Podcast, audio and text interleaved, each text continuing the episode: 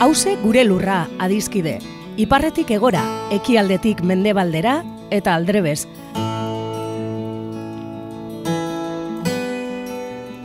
Lurra bakarra dugu edo gaituen lur bakarra da hause. Eta zaintzak dan hori dagokigunez, hemen horretaz egingo dugu berba. Lurraren zaintza kontu ekonomiko, ekologiko eta politikoa da, baita kulturala, kolektiboa eta publikoa.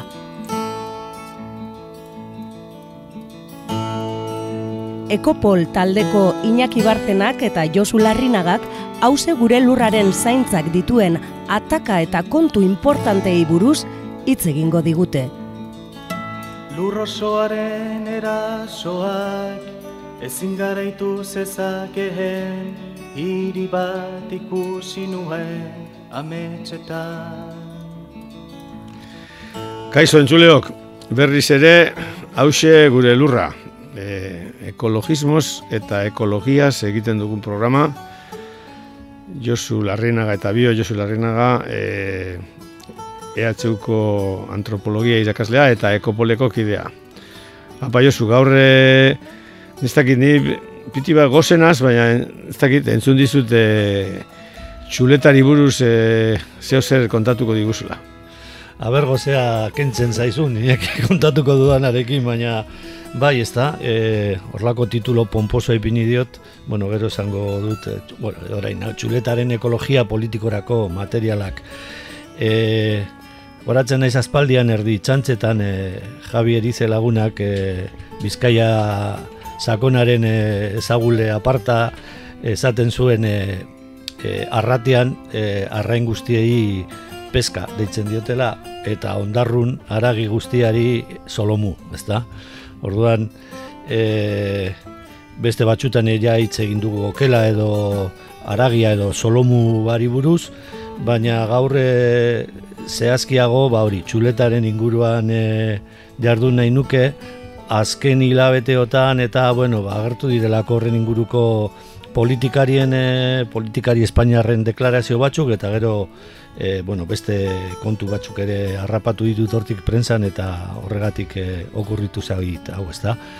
E, hori, e, Garzón ez Baltazar, bestea, e, konsumo ministro Espainiarra, e, Izquierda Unida Podemosekoa, e, ba, egin zituen orain dela hilabete batzuk, deklarazio batzuk, e, intenzio honekoak, e, jendeari gomendatzen e, ba, hainbeste okela ez jateko, e, osasun aldetik okel edo aragi prozesatu asko jatea ba, kaltegarria izan daiteko, daitekelako eta sekulako hori, hori ba, bueno, e, osasunaren mundu elkarteak ere esandakoa da, ezta?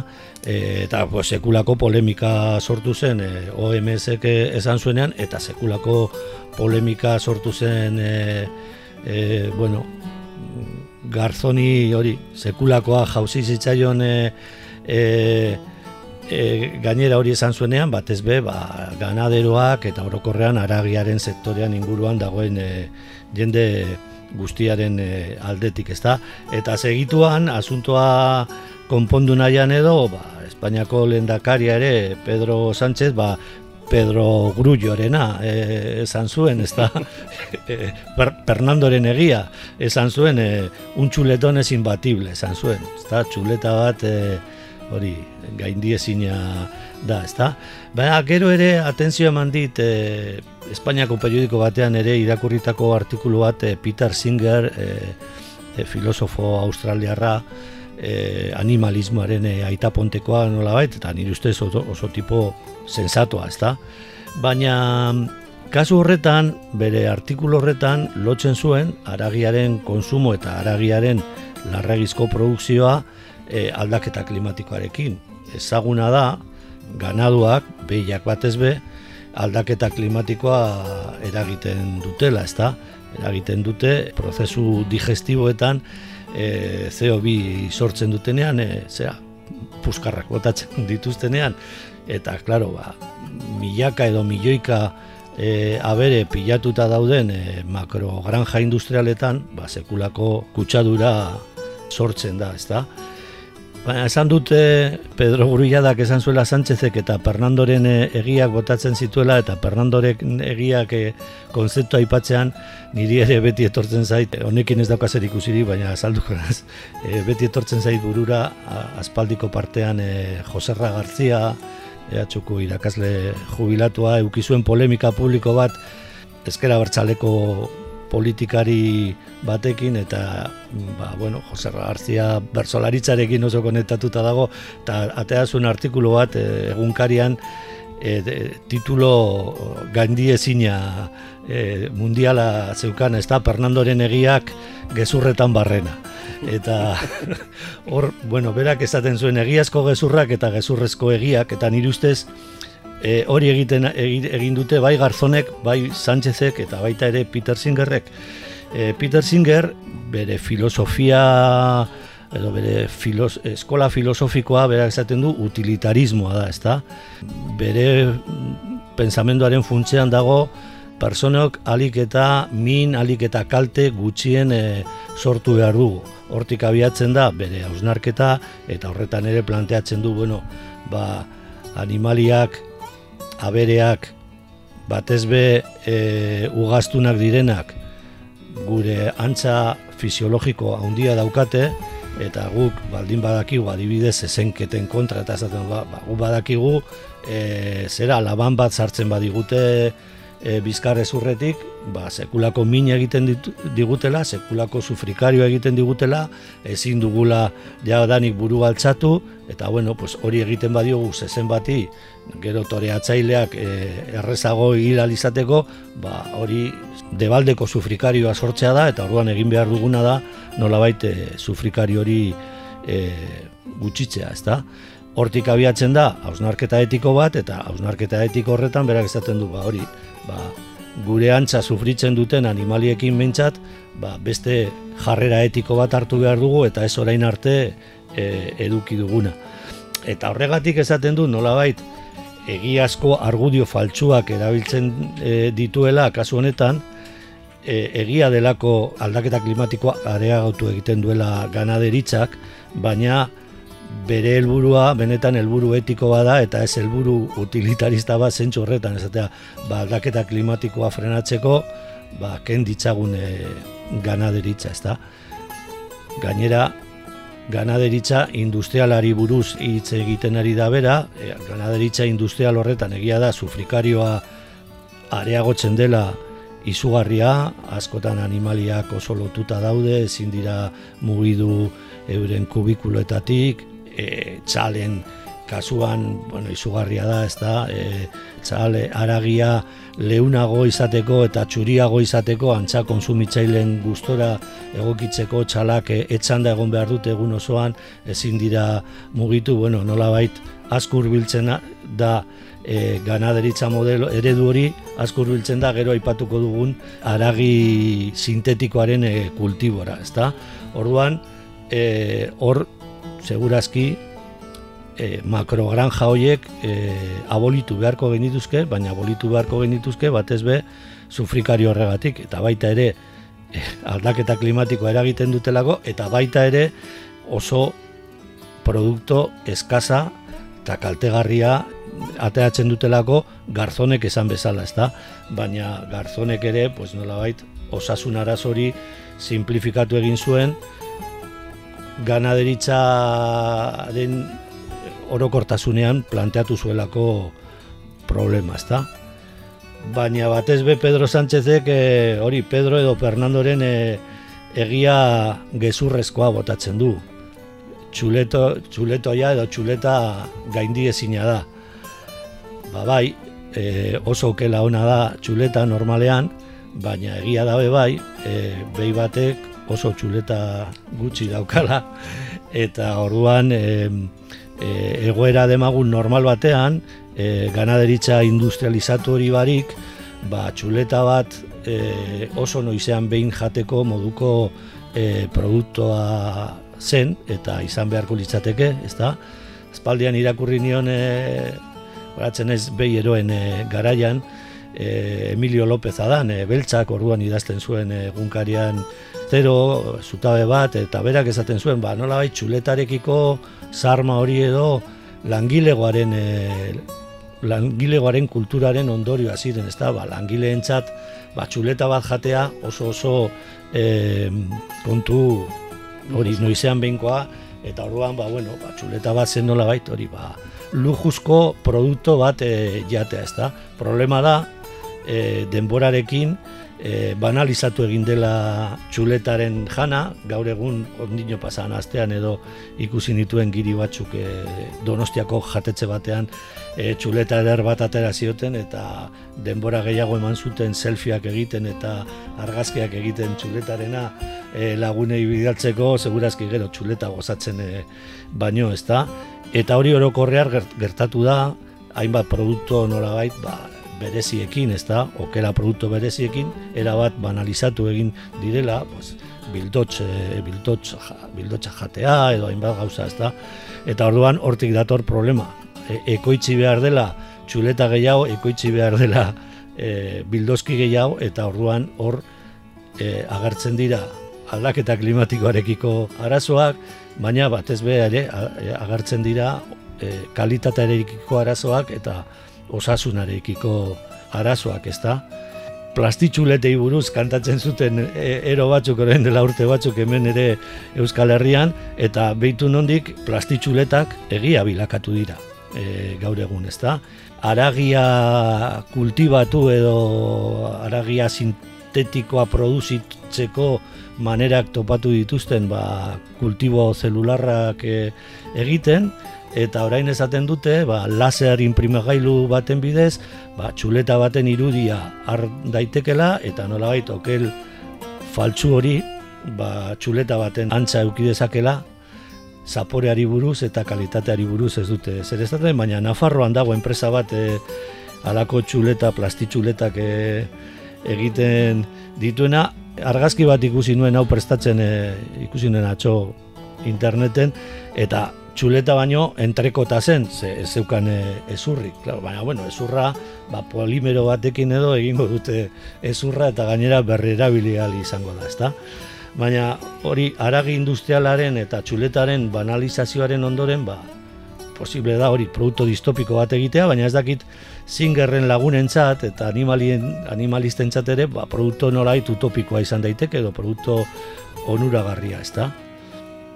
Benetazko txuletak e, posible ote dira oraindik bai, baina esan dakoa gutxi eta ba, ba noizean bingo produktua eta e, pensatzen badugu mundu mailan ere ba askozaz gutxiagoko produktua izan beharko litzateke, ezta? E, hau prestatzen ere goratu naz aspaldiko pelikula txinatar batekin e, Zanjimu izeneko orain oso eh, zuzendari ezaguna da eta gustut egunotan egon dela Donostiako zinemaldian, baina berak egin zuen aspaldian disidente ondino zenean egin zuen pelikula bat iraultza maoistaren e, inguruan iraultza maoista zelan bizi ziren e, nekazari txinatar pobre batzuk ez da, pasatzen zen e, iraultza, pasatzen zen e, aurrerako jauzi handia, pasatzen zen iraultza kulturala, eta beti ba zegoen hor gaztetxo bat aitari galdetzen zuena. Eta orduan aita zer gertatuko da benetan iraultza ja lortzen dugunean, eta e, aitak esaten du. Egun horretan okela jango dugu. Egunero jaten zuten arroza eta purtsoa gutxiago ez da, baina egun horretan okela jango dugu. Hori zen iraultza maoista horientzat ez da, e, e, okela danontzat egotea eta gaur egunko iraultza distopikoa ba, da e, egunero txule, plastitxuletak e, janalizatea ez da. Plastitxuleta horiek edo txuleta sintetiko horiek e, nolabait egongo da baten bat e, hoietaz gozatuko dituena, baina horretarako nik, nik ustez beharrezkoa da persona hori aurretik egotea kalidade txarreko e, aragi kutsakorra e, jaten ohituta egotea gaur egun tamalez askotazko ba, dauden edo gauden e, bezala, ezta? Eta, bueno, hori zen e, hausnarketa. Oso ondo, Josu, eskerrik asko egin dituzun burutazioen putazioen e, gainean niri be bai etorri zaizkit e, adibidez hori e, gogoratzen az e, Jorge Reismanek e, Madien antolatutako mintegi ekologista batean, e, filosofia irakaslekin, ba, filosofia irakasle batek esan zuen, e, ba, krisi ekologikoa nagusia eta aldaketa klimatikoaren problema nagusia zala txinatarrak eta indiarrak, hau da, asiako biztanleria e, okela jaten hasi dela, ez? Osea, zuk esan duzun bezala, ba, irautza ez dakit e, zer, zer gauza galdatu dituen, baina, bueno, badirudi, ba, batez ere asiako e, klase ertainen e, dieta aldatu omen da, eta, bueno, ba, zuentzako hori da problema nagusia, ez? Gaur egun, e, bueno, ba, ba, txinatarrak eta indiarrak e, azten baldin badira ba, okela jaten, ba, mundua bukatu egingo da, ez? Eta nik uste dute horti datorrela, karo, gero gorazen dut oso ondo e, Reismanek emandako erantzuna, ez? Eta esaten zion, e, karo, e, Txina bihurtu dugu munduko fabrika, ez esan nahi dugu, e, robotekin e, ibiltzea fabrika hori, ba, fabrika horrek behar ditu langileak, eta langile horiek, ba, ba, e, bertoko euskal langileak bezala ba, txuleta desitzen dute, normal. Osa, guztiz e, zilegi iruditzen zait, bueno, ba, dauden e, rekurso, elikagai rekurtsoak, e, direla zigalak edo txuletak, ba, bueno, ba, jende guztia dentzat desiragarriak izatea, ez? Orduan hor da, nire ustez, bueno, zu planteatu duzu, bueno, utilitarismoaren filosofia hori, ez e, zingerrena, baina Niri etortzei beti burura, e, oza, txuleta iruditzen zait, luzuzko artikulu baldin bada, e, denon eskura egon beharko luke, eta ez gutxi batzuen eskura bakarrik. Orduan, nik beti ikusten dut hau, e, eta aldaketa klimatikoa berdin, eta eta osasun arazo bada, bai, segura eski. Ez dakit txuleta, baina hamburguesak eta hamburguesak eta hamburguesak jaten dituzten horiek, ikistorezko arazoa dituzte, ez? Ba, bueno, ba, Baina ikuspegi, osasun ikuspegietatik edo ikuspegi nolabait eh, utilitarista edo moral horretatik bez, aparte, nik ikusten dut hemen e, justizia arazo bat, justizia edo banaketa arazo bat, eta da, ez da dago guztiontzat e, erregulazioa egon behar da, ez? eta ezin da, oza, adibidez, e, eta hau da, hau da nire planteamendoren bigarren partea, hau da, guk Euskal Herrian leku batzutan lujuzko e, txuletak e, eh, jatzen ditugu bertokoa direlako. Osea, larra betzun, ohitura hori daukagu. Biltzen gara hiru lau familia eta erosten dugu txala bat, eta, bueno, txuleta gutxi, baina txala bat, eta, eta bueno, edo, txerri bat, edo txerri bat, eta bertoko produktua da, ekonomia lokalean, e, bueno, e, antolatzen dana, eta bar, Eta ni ados nago hori dela bidea. Bide hori da bide e, diferente bat, ez ez ganaderitza industriala. Baina halan da guztiz ere pentsatzen dut hori ez dela e, hori dela lujo, lujo bat, herri txiki e, Euskal Herriko, bueno, leku batzutan egiten dana. Nire ustez momentuz ez dela ez da e, zergaitik desagertu behar, baina baina transizio baten ikusi behar duguna posible da eta ematen da baldintza diferentetan, baina ezin dugu hori nolabait eredu moduan jarri, ez da e, ez da posible biderkatzea, ez, eredu hori ere ez, e, ez, ezin ditugu herri txikietan jende guztiarentzako txuleta horiek ekoitzi. Ez da bidea, ez? Beste gauza bada, abeltzantza eta nolabait okela produzio horrek ez du kaltetzen, ez du berdin, ez da, ez da industriala bezain kaltegarria, baina alan da guztiz ere, eta batez ere e, e, planteamendu justizia ekologikoaren planteamendu bat e, esango nuke, nire uste hori da nire, nire iritzia, eta beltzantza lokal eta eta duin horren proteinak bebai gutxitu behar dira. Hori da nire uste, da. Nire ustez bi eredu diferenteak dira, baina ezin dugu egin e, dieta bat bakarrik mm, privilegiatu entzat. Mm? Herri txikietan bizigaren bizikarenon el privilegiatu entzat, ez? Orduan, nik, nik gehituko nuke ez da honi justizia ekologikoarena. Hau da, banaketa bat e, justuagoa behar dugu, e, arazo ekologikoi, kasu honetan txuletei, e, erantzuteko.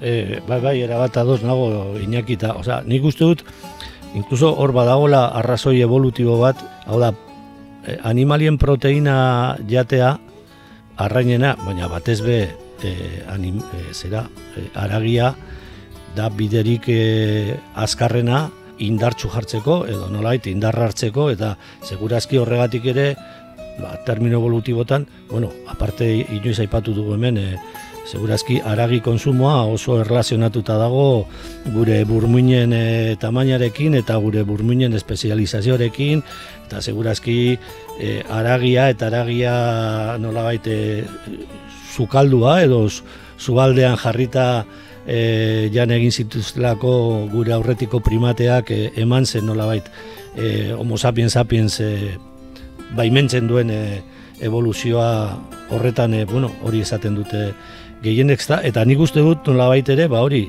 daukagula oso txertatuta gure buruan, ba, e, okela jatea nolabait indargarria da, ezta? Eta horregatik agian zu planteatzen duzun justizia planteamendu horretan, pues egunero igual e, zerra edo txerritxuleta edo solomu jan beharko lukete lan astunenak e, egin behar dituztenak eta ordenagailu horrean e, eta ipurdia jarrita ematen dugunok ba lekapatatekin e, pasatu aldugu perfectamente eguna, ezta?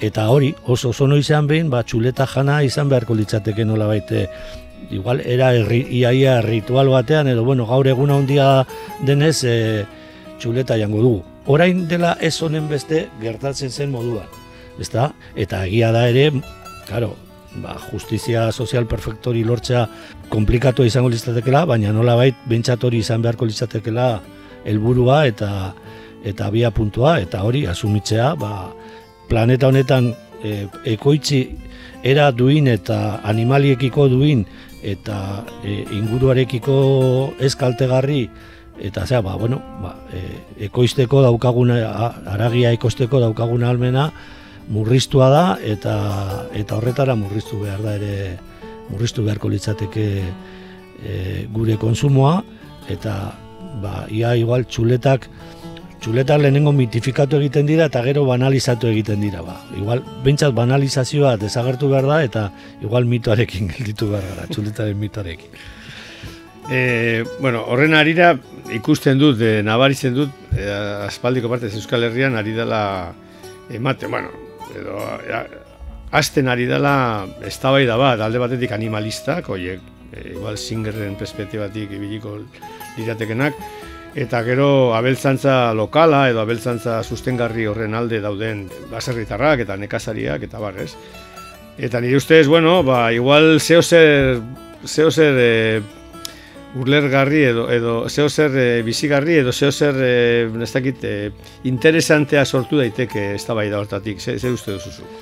Bai, bai, nire ustez, nire goratzen naiz, orain dela urte batzuk ere zingerri e, irakurri, ez, ez, igual ez zinger, bere nola bai diszipuloa den e, katalandarra Jesus Mosterini, Mosterini. E, irakurri nion, justo ba, Katalunian eta ja zezenketak e, e, desagartareztako legea planteatu zanean, eta berak esan zuen, bueno, ba, zezenketekin e, bukatu behar dugu, urrengo helburua e, foa izan behar da, ezta? Eta nire horatzen ez gero, donostiako animalista batekin e, hitz egiten batean, esaten nion, e, jo, ezke hori aguego daukazue, hemen ere adibidez, donostian edo Bilbon edo edo zein, e, hiri turistikoan, e, foaren konsumoa erabat e, banalizatuta dago, edo zein pintxo tabernara zoaz eta eskainiko dizute e, zera ez da, foa pintxo bat. Foa egiteko e, ata batek edo oka batek e, sufritu behar du, derrigor. E, zirrosia provokatu behar diozu, e, abere horri e, foa bat egiteko. Ba, orduan, nire ustez horregatik, oza, lehen lujuzko produktu zen, orain erabat produktu banalizatua dena, baina kasu bietan, hori, debaldeko e, sufrikario bat ezigitzen duena, eta inkluso segurazki kaso horretan, ba, nolabait, zabel zirrotiko bat jatea, hori ezin, ezin, ezin da izan oso sasuntxu, ez da, osea, ez dugu ezer irabazten hori jaten, ba, hor, niri bitzen zait, animalistek adibidez daukatela, helburu egingarri bat, eta epe motxera esatea, debeka dezagun foa, kendu dezagun gure barretatik, kendu dizagun gure tabernetatik, kendu dezagun gure konsumotik, ez da? Baina askotan ere animalismoa nahiago ditu helburu handiak eta utopikoak e, helburu zehatzak baino, baina nik borrokatuko nuke lehenago faren kontra, txuletaren kontra baino, baina bueno, orda. Bueno, ba, ba irten bide, transizio interbide bat e, tokatu beharko genduke, zere, bueno, ondila gutxira arte, oin ja ez, baina ondila gutxira arte, e, pate eta foanen oinarritetako enpresa nagusia, larrabetxun enpresa nagusia izan da. Orduan, e, eta larrabetxuko hogei eta mar lagun bizi izan dira hortatik. Orduan, hau esaten dutuanean, edo iparralden, iparralden badakit polemika hori eman dela, eta nire ustez bai. Izuk esaten duzuna, ez? E, animaliengan kalte edo, edo minoiek e, sortzen ez diren industriak, ez? Beste, beste modu baten planteatuta. Nire ustez, bueno, bai da hori eta eta debate horiek e, oso, oso interesgarria dira, eta nire ustez beharrezkoa dira gure dieta osasungarriagoa izateko, eta justoagoa izateko ere bai beste, oza, gure zor ekologiko horreri erreparatzeko ere, ez? E, claro, e, guk e, proteina asko jaten ditugu, baina proteina horiek zedutik ez datoz. Ez datoz, e, nolabait, askotan beste ekonomietatik, beste herrietatik eta beste parametroetatik, ez? Bueno, eta eta txuleta gora, txuleta bera, zein da gaurko kanta? Bueno, ba, ez dago e, e, zea, e, zuzenki erlazionatuta, baina e, gaiu taldearen e, baserritar bati entzun ondoren kanta ekarri dut. E, azkeni e, urte honetan, inaki, e, Euskal musikaren panoraman gazteak oso fuerte etorri dira jotzen ez da, e, J. Martina, Txili Mafia, baina hemen daude ere zarruno batzuk e, nola bait e, autotuneren autopista horretan eskerretik e, gazteak aurreratu dituztenak. Abregotar anaiak eta trake aspaldiko bapekoak orain talde hori gaiu taldearekin. Eta kanta bat egin dute hori basarritar bati entzun ondoren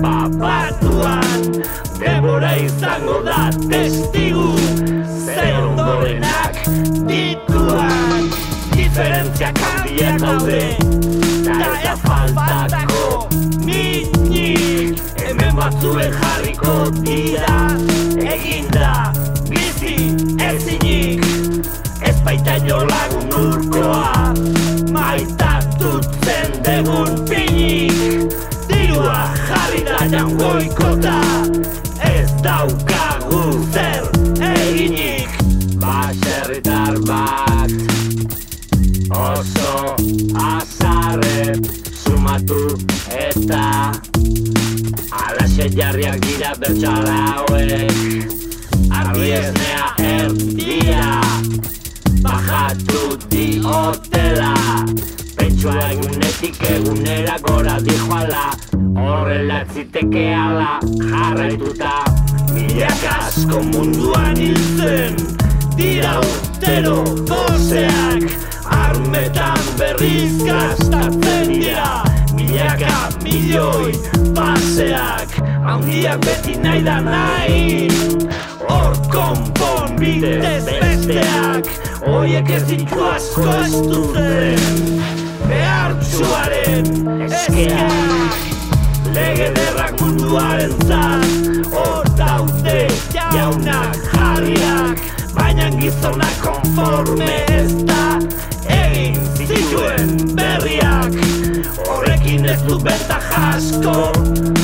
mundu zarroni